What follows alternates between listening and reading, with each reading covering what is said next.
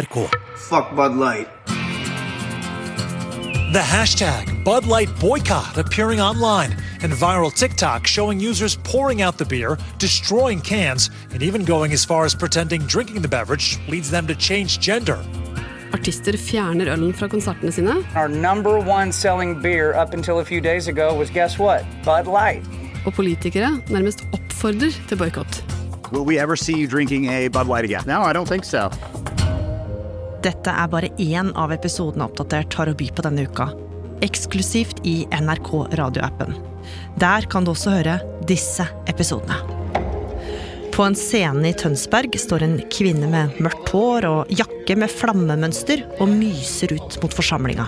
Nå ser ikke jeg dere så veldig godt, men er det noen av dere som har vært utsatt for et sånt mediepress som jeg har vært utsatt for gjennom 30 år? Er det noen av dere? Hvorfor er prinsesse Märtha Louise så sint på norsk presse? Det siste året har en 24 år gammel fotballspiller fra Drammen vakt stor internasjonal oppmerksomhet.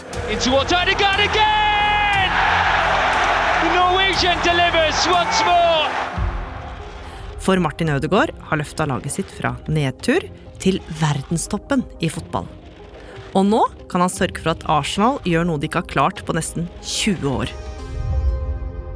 Hvordan kom man seg dit? Oppdatert finner du kun i NRK radioappen. Der finner du både nye og gamle episoder fra hele arkivet vårt.